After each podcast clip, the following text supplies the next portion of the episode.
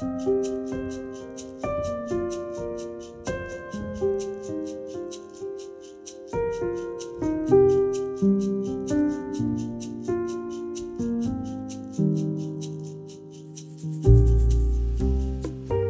Jesaja-bokas kapittel seks blir vi tatt inn i en av de mest dramatiske scenene jeg vet om i Det gamle testamentet. Jesaja selv befinner seg i tempelet i Jerusalem da Herren viser seg for ham i all sin kongevelde. I det ene øyeblikket frykter Jesaja for sitt eget liv i møte med Guds hellighet og opplevelsen av selv å være uverdig i hans nærhet. I neste øyeblikk tar Jesaja imot kallet til å være profet for Gud til sitt folk. I dag fascineres jeg spesielt av måten dette mektige kapittelet starter på. I det året da kong Ussia døde, så jeg Herren sitte på en høy og opphøyd trone, og kanten på kappen hans fylte tempelet. Hvorfor begynner Jesaja med denne referansen til kong Ussia? Jeg ser for meg at det kan være minst to ulike årsaker. Dette er ikke et arabisk eventyr à la Aladdins lampe fra Tusen og en natt. Dette som skjedde med Jesaja inne i tempelet, det er forankret i historiske hendelser. På et gitt tidspunkt ble en bygning formet av menneskehender forvandlet til et himmelsk hoff foran øynene på profeten. Det skjedde det året da kong Ussia døde.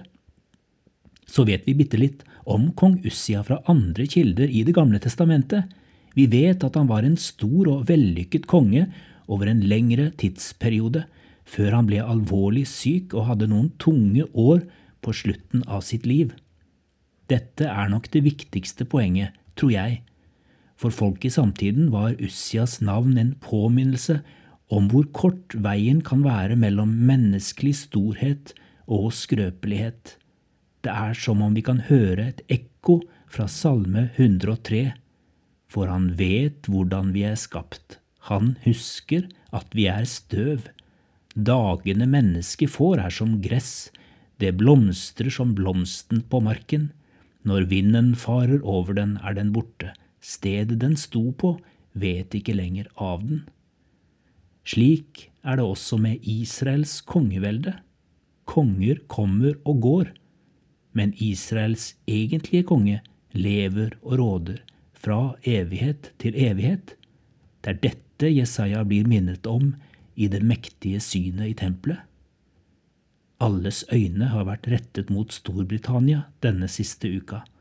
Der har det skjedd et tronskifte en ny konge er salvet i tråd med århundrelange tradisjoner. På sett og vis var denne kroningen et forsøk på å vise at noe består, nesten uforandret, i en tid der mye er usikkert. Det er uro i Europa. Kan kong Charles og dronning Camilla gi mennesker en følelse av noe stabilt? Jeg vet ikke. Selv har jeg ikke noe imot monarkiet, og det var flott at kong Charles valgte å beholde så mange av de kristne tradisjonene rundt sin kongekroning. Det er en sterk symbolikk når en gutt sier til kong Charles under kroningshandlingen Deres Majestet, som barn i Guds rike ønsker vi deg velkommen i navnet til kongenes konge. Kong Charles svarer i hans navn, og med ham som eksempel kommer jeg ikke for å bli tjent, men for å tjene.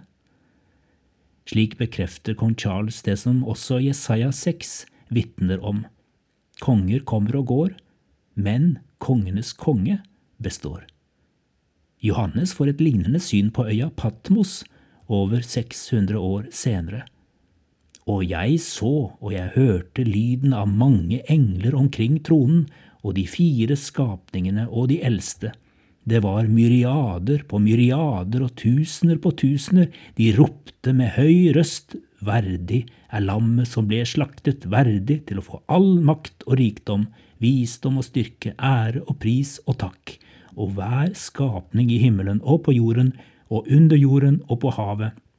Ja, alt som finnes i dem, hørte jeg si, han som sitter på tronen, ham og lammet være takk og ære, pris og makt i all evighet. De fire skapningene svarte amen, og de eldste kastet seg ned og tilba.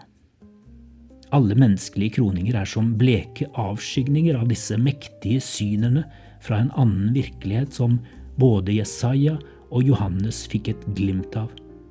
Akkurat i dag fyller dette meg med en stor glede. Det er faktisk noe som står fast. Det er en som holder historien i sine hender, og som står midt i menigheten.